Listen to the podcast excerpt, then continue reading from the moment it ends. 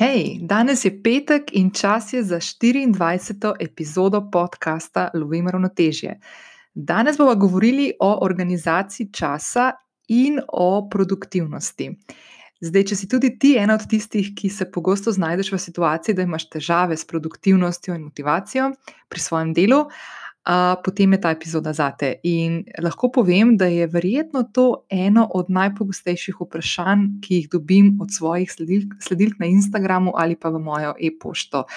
Eh, kako lahko, predvsem v času, ko delaš od doma, ali pa ko naprimer, začneš stopiti na samostojno podjetniško pot in se znajdeš v nekem takem novem delovnem okolju, ki ponavadi ga začneš uh, od doma, kako najdeš način, da se znaš osredotočiti na svoje delo in da nekako pustiš vse te distrakcije, ki se ti odvijajo okoli tebe, zdaj, če si doma, naprimer, lahko to televizija, hladilnik, lep balkon, uh, soncem obdan in tako naprej. Če si v pisarni, so to lahko drugi zaposleni ali pa naprimer kakšen šum, ki se ustvarja v drugih pisarnah zraven tebe. Kaj je vse tisto, kar lahko, lahko, kar lahko narediš pri sebi, da poskušaš uh, se izogniti tem distrakcijam in se osredotočiti na tiste stvari, ki jih moraš narediti. Danes se bomo sprehodili skozi nekaj navad, ki ti lahko pri tem pomagajo in uh, šli skozi posamezne uh, navade. Kasneje, v prihajajočih epizodah, se bom pa tem navadam in še dodatnim nekoliko bolj posvetila in jih še dodatno razdelila. Če še nisi prijavljena na podcast Lovim ravnotežje, to lahko narediš zdaj prek aplikacije, na kateri trenutno poslušaš to epizodo. Vedno sem vesela tudi ocen in mnen, ki mi jih pustiš na podcast aplikacije, pri kateri poslušaš to uh, epizodo, ali pa se mi oglašaš na zasebno sporočilo na Instagramu. S prijavo oddaje ocene in mnenja na aplikaciji, prek katere zdaj poslušaš ta podcast, pomagaš meni, da ta podcast slišijo tudi druge ženske in tistim ženskam, ki so tebi podobne in bi jih te teme zanimale. Kot vedno te v opisu te epizode čaka tudi povezava do zapisa, ki je pripravljen za to epizodo in v katerega sem ujela še nekaj dodatnih stvari, ki jih omenjam v današnji epizodi, predvsem na koncu, ko govorim tudi o eni matriki uh, sem pripela v zapis te epizode tudi dodatno povezavo na zelo zanimiv članek, ki ti zna pomagati uh, pri upravljanju in grajenju uh, produktivnosti v tvojem življenju. Zdaj, preden nadaljujeva, bom tako kot poskušam v vsaki epizodi delila s tabo še eno mnenje, ki sem ga pred nekaj dnevi dobila prek aplikacije iTunes. In sicer je Eva napisala: Čudovit podcast, mene je totalno napolnil s pozitivno energijo in veseljem, predvsem epizoda 15 navad srečnih in pozitivnih ljudi. Gre za res odlične podcaste, super vsebino, res sem hvaležna za vsakega.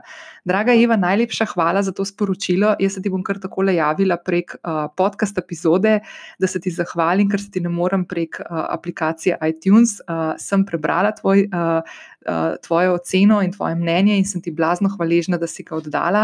Res sem vesela za vsako sporočilo, ki ga dobim. Um, zelo veliko se mi uh, se, se vas javi na zasebna sporočila na Instagramu in sem blazno, blazno vesela vsakega, ko ga dobim. Zdaj, v zadnjem času sem videla, da ste bile predvsem zelo. Vesele za tisto temo, kako lahko kot introvertirane osebe mrežite in spoznavate nove ljudi. Se mi zdi to uh, ena taka lušna tema, uh, ki jo vedno bolj tudi sama odkrivam, kot sem v tisti epizodi povedala. Mislim, da je to bila 22. epizoda. Um, ko sem tudi sama pri sebi ugotovila, da uh, postajam tudi jaz na trenutke malo bolj introvertirana uh, oseba in vedno bolj razumem uh, tiste od vas, ki, uh, pri katerih vam introvertiran del osebnosti prevladuje. Uh, tako da, kot sem takrat povedala v tisti epizodi, če še nisi poslušala, skoči na njo, uh, z introvertiranostjo ni nič narobe, in ogromno, ogromno ljudi na svetu uh, ima podobno uh, osebnost uh, in je to nekaj čist normalnega, samo znajti se treba in najti nek svoj način, kako funkcionirati v okolju, še posebej, ko gre za take situacije, ki mogoče zahtevajo nekolikšen skok iz cone obdobja, naprimer, ko gre za kakšne družabne stvari ali pa dogodke. Uh, tako da je tam en kup enih informacij, mislim, da v 22. epizodi, ki ti utegnejo priti prav. Ok, pa skočiva v današnjo epizodo, ko se bomo ukvarjali s tem, kako lahko na učinkovit način organiziraš svoj čas in pri tem ujameš produktivnost. Ok, kot smo rekli, danes bomo govorili o tem, kako lahko skozi upeljavo različnih navad organiziraš svoje življenje, postaneš učinkovitejša in po domače narediš več v krajšem času. Kaj to pomeni? Uh, pomeni, da delaš pametneje. Delaš pametneje, zato ker v krajšem času narediš ča pogosto več stvari, kot bi jih sicer, ker se znaš pravilno organizirati. Produktivnost pogosto povezujemo s tem, da delamo več, kar dejansko ne drži. Produktivnost pomeni, da svoj čas izkoristiš na način, da svoje delo in opravila naloge narediš učinkoviteje in hitreje. In tako se ti odpre neko tako širše polje časa, ki ti preostane za druge stvari v življenju, ki jih rada počneš poleg dela. Naprimer, da ga preživljaš s svojimi prijateljicami, partnerjem, partnerico ali pa za stvari, ki so ti, naprimer, pomembne. In če želiš ujeti učinkovitost in produktivnost, moraš postaviti nek svoj sistem, ki bo zate smiselen in ti bo pomagal, da boš enostavneje in hitreje opravljala naloge na svoji to-do listi. Danes bomo govorili o tem, kako se lotiti postavitve takšnega sistema. Potem pa bom v prihajajočih epizodah nekoliko bolj podrobno govorila o posameznih navadah, ki jih bomo potem kasneje spoznali še nekoliko bolje in bolj poglobljeno. Danes bomo pogledali v načine, kako lahko na hiter način v svoj vsakdan upelješ neke navade in jih začneš že danes uporabljati, in pri tem videti skoraj takojšnji vpliv na tvojo organizacijo časa in zvišano produktivnost. Ključna stvar, ki jo moraš na začetku peljati, je čas, ki ga boš namenila, da se sploh organiziraš. Enostavno si moraš v svojem dnevu narediti prostor, da razmisliš, kako si postaviti nek konsistenten delovni pretok dela. Prostor je dejansko čas, ki ga nameniš za načrtovanje obveznosti in prostega časa, za organizacijo časa in tudi za ugotavljanje, kako se določenih opravil ali pa nalog lotiti. Zdaj, od sebe ne moreš nikoli pričakovati, da boš nenehno v pogonu in da bosta tvoj koledar in tvoja to-do lista vedno polna opravil, ob tem pa misliti na to, da boš imela dovolj časa tudi za organizacijo svojega življenja. Enostavno to ne gre in to te nikoli ne bo pripeljalo do želenega cilja. Zato se je bolje organizirati in s tem dvigniti produktivnost. In za organizacijo, če želiš postaviti nek svoj način, ki bo funkcioniral in deloval tebi v prid, si moraš vzeti čas in prostor, ki ga boš namenila za natančen premislek. Zdaj to lahko narediš tako, da si enkrat na teden vzameš čas za organizacijo prihajajočega tedna. Odvisno od števila opravkov, ki jih boš imela v nekem prihajajočem tednu, ti to lahko vzame naprimer med pol ure ali pa največ dveh ur, če imaš naprimer resnično neko kompleksno življenje ali pa si v nekem obdobju, ko imaš ogromno projektov, ki jih trenutno delaš. Zdaj, v tem času, ko se osredotočaš na to, kako boš postavila neke stvari v svoje koledarje ali na, na neko listo pravil, pregledaš upravljene projekte in naloge in narediš tudi inventuro za nazaj. Za, naprimer, za teden, ki se je stekel, da nekako pogledaš, koliko časa so ti določene naloge vzele preveriš, če si mogoče prekoračila do določene, naprimer, roke oddaj, in glede na te ugotovitve, po potrebi posodobiš načrt za prihajajoče obdobje. Zdaj, v tem delu v svoj koledar lahko vneseš vse potrebne termine, naprimer za oddaje, za neke roke oddaje, sestanke ali pa klice, ki jih imaš predvidene, naprimer, če imaš kakšne Skype klice, v katerih so udeleženih več ljudi in tako naprej. Pri tem bodi pozorna, da če je na tvoji listi kakšno pravilo, ki je zastarelo ali nepotrebno, da ga enostavno prečrtaš in narediš prostor za druge. In tako na enostaven način pripraviš načrt za prihajajoči teden. In če si poslušala epizodo 8, ko sem govorila o moji jutranji rutini, ki se začne že večer prej, to pomeni, da si, naprimer, jaz že en dan prej, en večer prej, naredim listo za naslednji dan, In logika je podobna, če jo razpotegneš na cel teden. Se pravi, fino je, da pomisliš, kateri dan v tednu bi bil za te najbolj primeren, da si organiziraš celoten prihajajoči teden vnaprej. Jaz sem, na primer, pri sebi ugotovila, da se takšne liste za prihajajoči teden najraje lotim v soboto ali pa še raje v nedeljo popoldan ko imam že nekako postalen pogled v obveznosti, ki me čakajo v naslednjem tednu. Se pravi, da imam že nekako zabeleženo, katere klice me bom imela, ali pa katere, katere sestanke bom imela, ali pa katere stvari moram oddati, katere stvari moram začeti pripravljati. Izberi tisti čas, ki ti najbolje ustreza, glede na tvoj ritem, in si vzemi resnično čas za pregled, urejanje in načrtovanje tedna. V mislih imaš torej, kaj bom delala, kaj me čaka, kaj lahko odstranim, in obenem preveriš svoje razpoloženje, ki bo ob tem pravilu se sprostilo. Naprimer, to pomeni, da uh, sprostiš večino svojih misli, ki skačajo iz upravila v upravilo. Ne? Pomisli na to, kdaj opaziš pri sebi, da ti nivo razpoloženja niha, zato ker naprimer, imaš mogoče zaporedje določenih nalog, takšno, ki ti povzroča nek dodaten stres in in te nekako vodi v to, da začneš razmišljati, da bi nekatere naloge raje preložila na kakšno drugo obdobje, na kakšen drug dan. Uh, ko se lotiš tega sistema za prihajajoči teden in postavljanja nekega koledarja in liste upravkov, je to odličen temelj, na katerem načrtuješ nov teden, ki bo gotovo učinkovitejši.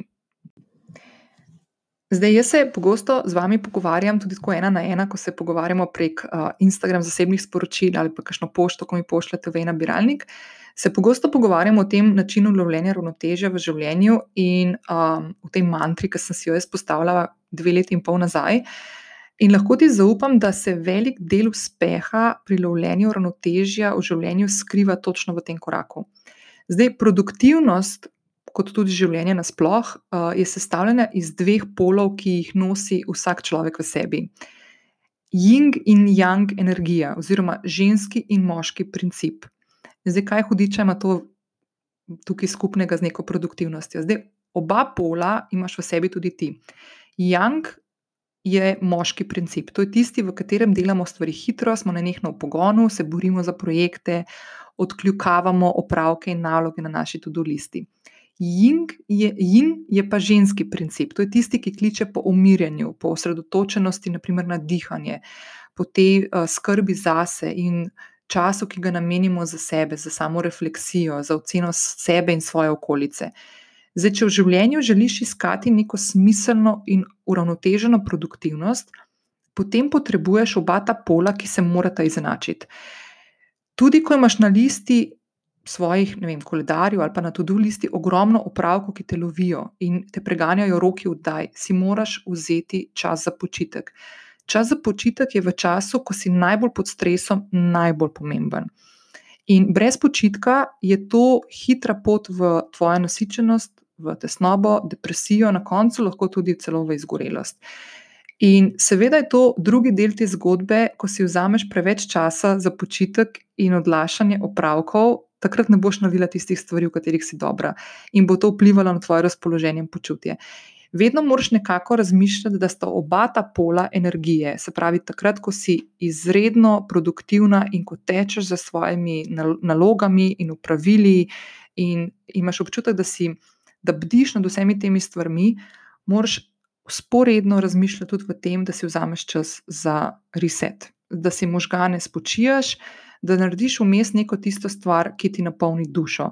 In uravnotežen yin in yang sta ključna za uravnoteženo življenje, za lovljenje famoznega ravnotežja in za produktivnost. Okay, se pravi, prva navada, ki smo jo zdaj obdelali, je to, da si enkrat na teden vzameš čas, da si postaviš prihajajoči teden. To je full fine stvar. Uh, in potrebna za vse ostale naslednje naloge, o katerih se bomo pogovarjali. Druga navada, ki ti lahko pomaga pri dvigu produktivnosti, je, da svoje misli zapišeš na papir ali pa pod zapiske na telefonu. Nikoli ni dobro, da se preveč zanašaš na svoj kratkoročni spomin, ki ga hitro lahko odnese nova informacija, ki prileti v tvoje možgane. V povprečju si lahko zapomnimo do sedem stvari. Zato je ključno, da si pomagaš pri organizaciji svojega spomina na način, da si, da si zapisuješ svoje misli. In zdaj to lahko prilagodiš svojemu najbolj optimalnemu načinu. Lahko gre to, da si napišeš naprimer, na list papirja, na post-it listek, v rokovnik, lahko si to daš pod novce na svojem mobilnem telefonu. Karkoli takšnega je, da bo tebi funkcioniralo. Ni sistema, ki ti ga bom zdaj jaz predala in rekla, ok, to je sistem, ki bo tebi funkcioniral, zato ker funkcionira tudi meni. Moraš naš, na, na, poiskati moraš nek način, ki bo delal tebi v prid. Naprimer, konkretno pri meni, jaz uporabljam koledar na svojem uh, računalniku, ki ga imam uh, v, nekako povezanega s koledarjem na mojem telefonu. Potem uporabljam zapiske na svojem iPhonu in analogno uporabljam tudi molecki rokovnik že leta in leta, in sem navajena na to, in imam občutek, da tiste stvari, ki jih fizično napišem v ta rokovnik, si jih bom bolj vtisnila v spomin in jih imam bolj pri roki, kot naprimer telefon, čeprav ga imam skoraj da skozi roki. In še ena stvar, ki je pomembna pri meni, naprimer, je, da si pišem post-it listke. Jaz imam vedno na svoji mizi v domači pisarni blokec post-it listkov, na katere si pišem tiste ključne stvari, ki jih moram v nekem trenutku narediti. In zdaj te post-it listke si jaz ponovadi tako obesim, naprimer, če si zvečer. Uh, naredim listo, kaj bom naredila naslednji dan, pa o tem bomo nekoliko več govorili kasneje, kako se jaz to listo sestavim. Jaz to listo napišem na post-it listek in si ga pustim na prilepljenega na mizo, tako da zjutraj, ko pridem v pisarno, je prva stvar, ki jo vidim, ta listek. In ko razmišljaš o sistemu, ki ti pomaga pri organiziranosti in produktivnosti, pomisli na, na sistem, ki mu zaupaš. Zdaj, ta del ti lahko vzame nekoliko več časa. Jaz sem, na primer, svoj način oblikovala kar en mesec dober nekaj časa nazaj in ga še vedno sem in tja malo posodabljam, ko vidim, da je mogoče potrebno vnesti neka nova spoznanja, sem, do katerih sem prišla v nekem času, zdaj, ko uporabljam te stvari. Naprimer, zdaj v tem trenutku se je moj sistem spremenil, zato ker se je spremenilo tudi okolje, v katerem delam. Pomisli na to, kaj resnično potrebuješ za organizacijo in kateri so zate najboljši načini. Zdaj, tukaj se lahko pogovarjamo o mobilnih aplikacijah, kot so naprimer. To so lahko spletne strani, ki so potem tudi mobilne aplikacije, Asana, Notion, Trello, Slack. Lahko gre za neke digitalne naloge ali pa analogne načine uh, vzpostavljanja tvojega toka dela, ki vodi v boljšo organiziranost in produktivnost. In ta, ta del ti bo vzel nekaj časa, ne? in to je fajn, zato ker boš sproti testirala in ugotavljala, kaj za te deluje in kaj ne. Zato je fino, da si res vzameš čas, postaviš nek konkreten temelj ker je res neprecenljivo, da si postaviš sistem, ki bo delal zate in ne ti zanj. Tukaj velja ista logika, kot sem jo omenila v osmi epizodi tega podcasta, ko sem govorila o jutranjih rutinah. Ne kopiraj načina organizacije ali pa jutranjih rutin od drugih, ker to ni nujno način, ki bo deloval tudi tebi v prid. Lahko seveda najdeš neke ideje, naprimer tudi danes ti na svete, ki ti jih jaz dajem, so lahko neke od, te, od idej, ki bodo funkcionirale tudi pri tebi. Potem pa je fajn, da jih preveriš, testiraš in zadržiš tiste dele, ki delajo tebi v prid. In izogni se krajšnicam in bližnicam. Vzemi si čas, da najdeš svoj način in svoj sistem. Zdaj, če imaš kakšen fin način dela, ki se je pri tebi izkazal za učinkovitega in ga jaz danes nisem omenila in ga ne bom omenila v naslednjih epizodah, ko bomo govorili uh, bolj konkretno o določenih načinih zviševanja produktivnosti, potem te vedno vabim, da se mi javiš na zasebno sporočilo na Instagram ali pa mi pošlješ e-sporočilo. Spodaj v zapisu te epizode te čaka povezava do mojega Instagram profila. In v zapisu te epizode je vedno na koncu, za vsak opis, objavljen moj uh, e-mail naslov, na katerega se mi lahko oglasiš. In sem vedno vesela takih stvari, mogoče najdem tudi kakšno dodatno idejo, ki lahko potem delim tudi z ostalimi poslušalkami. Zdaj, ko postavljaš svoj sistem, imej v mislih, kako lahko na najbolj enostaven in dostopen način postaviš nek učinkovit tok svojega dela. Če bo nekaj preveč zapleteno, verjetno tega koraka ne boš izvajala in sistem se ti bo hitro podaril. O načinu postavljanja sistema bomo govorili v eni od prihajajočih epizod, za zdaj pa ti puščam prostor, da se sama malo poigraš z načini, ki so tebi trenutno všeč in imaš občutek, da delujejo tebi v prid. Še ena fina stvar je, da se pri sebi poigraš s tem, kakšna je razlika med dogodkom in nalogom. Naprimer, dogodek je nekaj, kar je specifično vezano na nek termin, uro ali dan, in sodi v tvoj koledar, ali je to digitalni ali pa analogni. Naloga ali opravilo pa ni nujno vezano na neko časovno omejitev.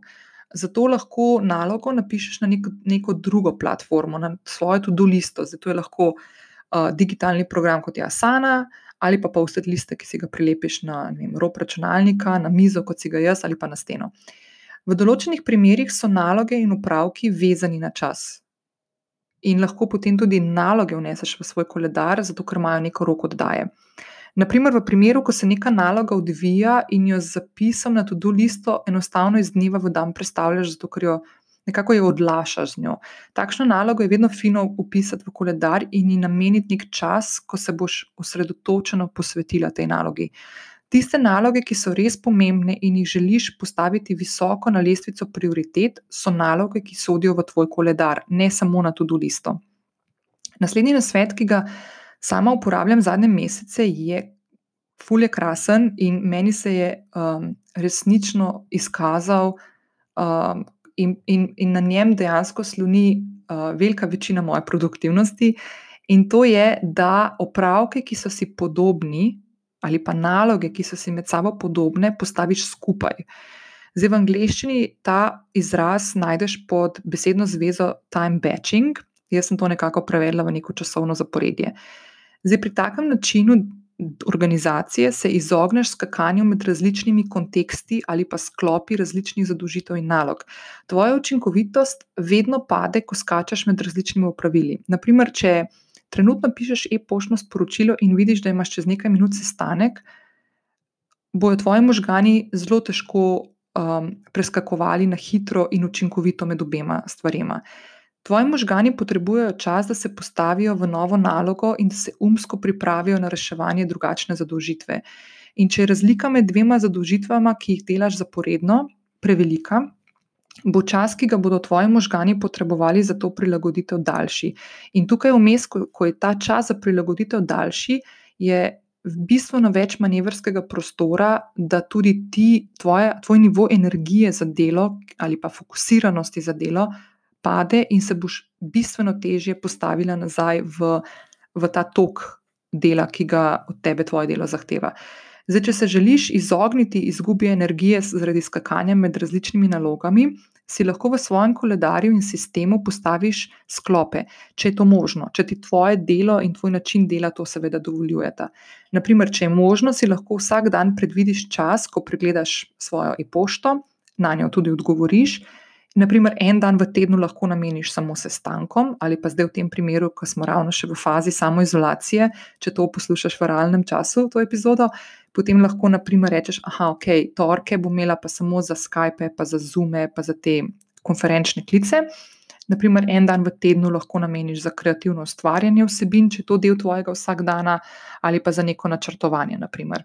Poskušaj razmišljati, katere so tiste naloge v tvojem delovnem procesu, ki so si med sabo res podobne, da jih enostavno lahko daš skupaj, tudi če niso vezane na en projekt. Da so naprimer iz dveh različnih projektov, ampak so si zelo podobne in bi lahko dejansko tukaj ti določene stvari naredila hitreje in s tem prihranila na času, in, in, in uh, si pomagala pri tem, da tvoj nivo osredotočenosti in energije, ki jo vlagaš v svoje delo, ostane na isti ravni. Razmišljaj o sklopih, kot so naprimer telefonski klici, pisanje in odgovarjanje na e-sporočila, načrtovanje, kreativno delo.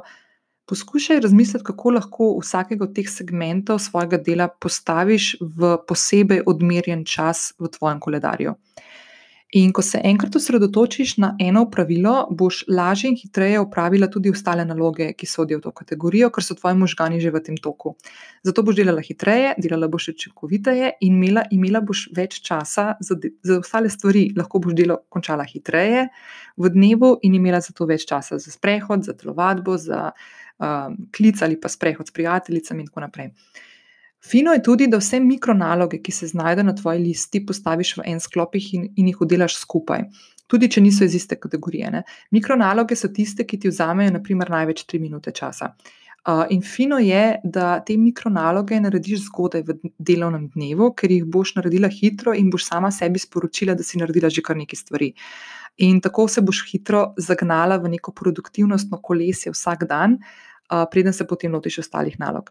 Zdaj, stvar, ki jo jaz predlagam vedno in vsakemu, in to je bila stvar, s katero sem imela jaz pri sebi največ težav, je, da vsak dan tisto nalogo na tvoji dnevni to-do listi, ki od tebe zahteva največ časa, energije, napora. Tisto nalogo, ki bi naraj postavila na kasnejši termin, ker ti gre fulna živce, ali pa nekomu drugemu, da bi jo naredil, ne bo ta naloga tista, ki je ta prva, ki jo narediš zjutraj. Um, jaz, ko si zvečer pripravim načrt za prihodni dan na enega od svojih post-it listkov, je vedno na prvem mestu tista najbolj zahtevna, zatežena, smotana naloga, ki jo moram narediti. In ko naslednji dan pridem v domačo pisarno, si ne dovolim, da grem na druge naloge, dokler ne, dokler ne naredim prve. In ko naredim prvo, ko jo prečrtam, ponovadi jo jaz res prečrtam s kakšnim vodoodpornim flomastrom in mi je to tak uh, gušt, potem se lotim tistih mikronalog, ki mi vzamejo po par minut časa. Še ena stvar je pri tem načinu dela blazno pomembna in stvar, s katero sem imela jaz precej težav, sploh ker prihajam iz nekega tega storitvenega agencijskega dela, kjer je hitro včasih vse na prioritetni listvici na prvem mestu. S tem se dejansko naučiš postavljanja prioritet in lažje boš ugotovila, kaj je zate v nekem trenutku res pomembno, da narediš. Najpomembnejše stvari so tiste, ki jih ni enostavno narediti. In vedno se tukaj malo sprehodiš ven iz cone obdobja, in zato je to odličen temelj za vse ostale aktivnosti, ki te čakajo tisti dan, ki so enostavnejše. Ker, ko boš enkrat imela za sabo ta najbolj zateženo stvar, bodo vse ostale stvari res hitreje se zgodile. Um, normalno je, da se ljudje najprej osredotočimo na tiste stvari, ki so nam enostavne, ki jih poznamo, ki so hitre, ki so nam prikupne. In tiste najbolj kompleksne in naporne naloge damo na koncu, ker, na, ker nam grejo na živce, ker nam mrak pade na oči in si mislimo, da eh, bom to kasneje. To je še posebej pomembno za vse tiste, ki delate od doma. Sploh v teh dneh samoizolacije, naprimer, ko se prvič srečujete s tako dinamiko dela, Uh, to je za tiste, ki poslušate v realnem času, za tiste, ki poslušate ta, to epizodo kasneje. Upam, da smo že pozabili, kaj smo, kaj smo doživljali uh, marca in aprila 2020. Ampak tiste, ki hodite po, od doma po svoji podjetniški poti, uh, na tej točki tukaj se rešuje tisto problematiko odlašanja, po katerim dobim jaz ogromno vprašanj.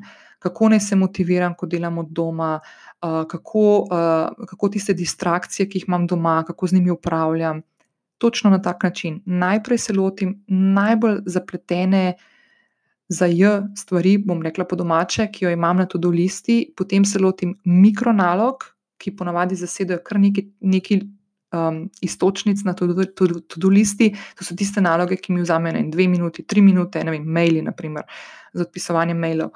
To so te stvari, ki potem na koncu skrčijo tvojo tudi listo, in vse, kar se bo šlo tla kasneje, bo potekalo hitreje, uh, učinkoviteje uh, in boš prihranila ogromno energije in predvsem tudi časa, ki ga boš potem lahko namenila za ostale stvari. Tako da, če je kakšna stvar, ki je pomembna, da jo odneseš iz te epizode, je, da absolutno uh, si vzemi čas za načrtovanje, kako boš svoje delo organizirala na nek sistem, ki ti bo.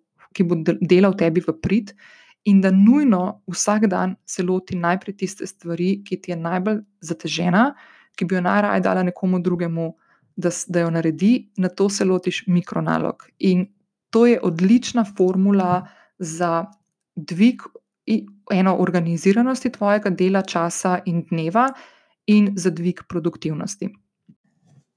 Ok, zdaj še čisto na koncu. Uh, na spletno stran, kjer te čaka zapis te epizode, povezavo najdeš spodaj v opisu te epizode na tvoji podcast aplikaciji, te čaka Eisenhowerjeva matrica. Slika in povezava do zapisa o tej metodi uh, te čakata na, na moji spletni strani. Um, to matrico lahko najbolj učinkovito uporabiš tisti dan v tednu, ko načrtuješ prihajajoči teden. In gre za matrico, ki je sestavljena iz štirih kvadratov, uh, vsak nosi svoje ime, eden je nujno, ne nujno, pomembno in nepomembno. In v te predale razdeliš svoje naloge, ki te čakajo v prihajajočem tednu, tako da lahko na tak dober način oceniš in postaviš prioritete. In jaz ti svetujem, da res skočiš na povezavo do tega zapisa, kako učinkovito uporabiti to metodo, ker ti res lahko pride prav. Jaz sem to začela uporabljati pred kakšnega pol leta in moram reči, da je to ena od stvari, ki mi je zelo pomagala pri moji, pro, moji problematiki postavljanja prioritet, s katero sem imela res veliko težav. Mi je še vedno to veliki izziv, ampak um, je danes bistveno boljše. Zdaj še enkrat, da ponovim, da za dobro organiziranost in dvig produktivnosti si moraš vzeti čas za načrtovanje. Moraš si vzeti čas, da si postaviš zdrave temelje svojega sistema, ki bo delal tebi v prid.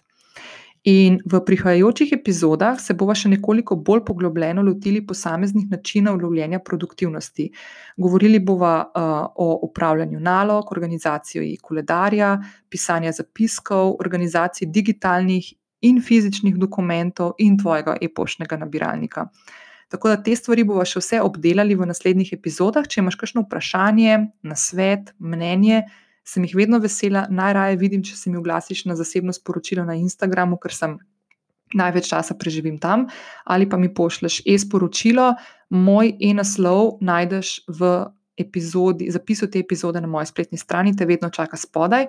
Tam spodaj te bo čakalo tudi, te čaka tudi obrazec, da se prijaviš na e-novičke, ki jih pošiljam uh, vsak mesec. Priznam, da jih od januarja nisem, tako da bom tega se lotila na novo. Um, in če se prijaviš na e-novičke, potem boš dobila, uh, kot nova naročena, boš dobila takoj ob prijavi uh, jutranjo rutino, počasno, razdeljeno. To je jutranja rutina, skozi katero se sprehajava v osmi epizodi tega podcasta. In takoj naslednji uh, e-mail, ki ga dobiš nekaj dni kasneje, vključuje, mislim, da 24 knjig, ki predlagam, da jih prebere vsaka sodobna ženska in podjetnica iz različnih področji, od osebne rasti, mentalnega zdravja, kreativnosti. Um, do uh, mental, ja, mentalnega zdravja, to sem že povedala, in podjetništva. Tako da uh, te vabim, da se tudi prijaviš, če še nisi prijavljena na e-novičke. Za danes je to vse. Če še nisi prijavljena na ta podcast, lahko to še vedno narediš s tem, da skočiš uh, v aplikacijo, pri kateri zdaj poslušaš podcast in stisniš prijavi, oziroma ponavadi je to gumb subscribe. Vedno sem vesela, če mi kdo da kakšno mnenje, oceno. Vedno, vedno pride prav, ker je to edini način, kako lahko ta podcast se razširi tudi tistim ostalim ženskam, ki zanj še niso slišale, pa bi jih utegnile tematike zanimati. Hvala, jaz ti želim en krasen, krasen petkov dan in lep vikend. Lepo vodi. Ciao!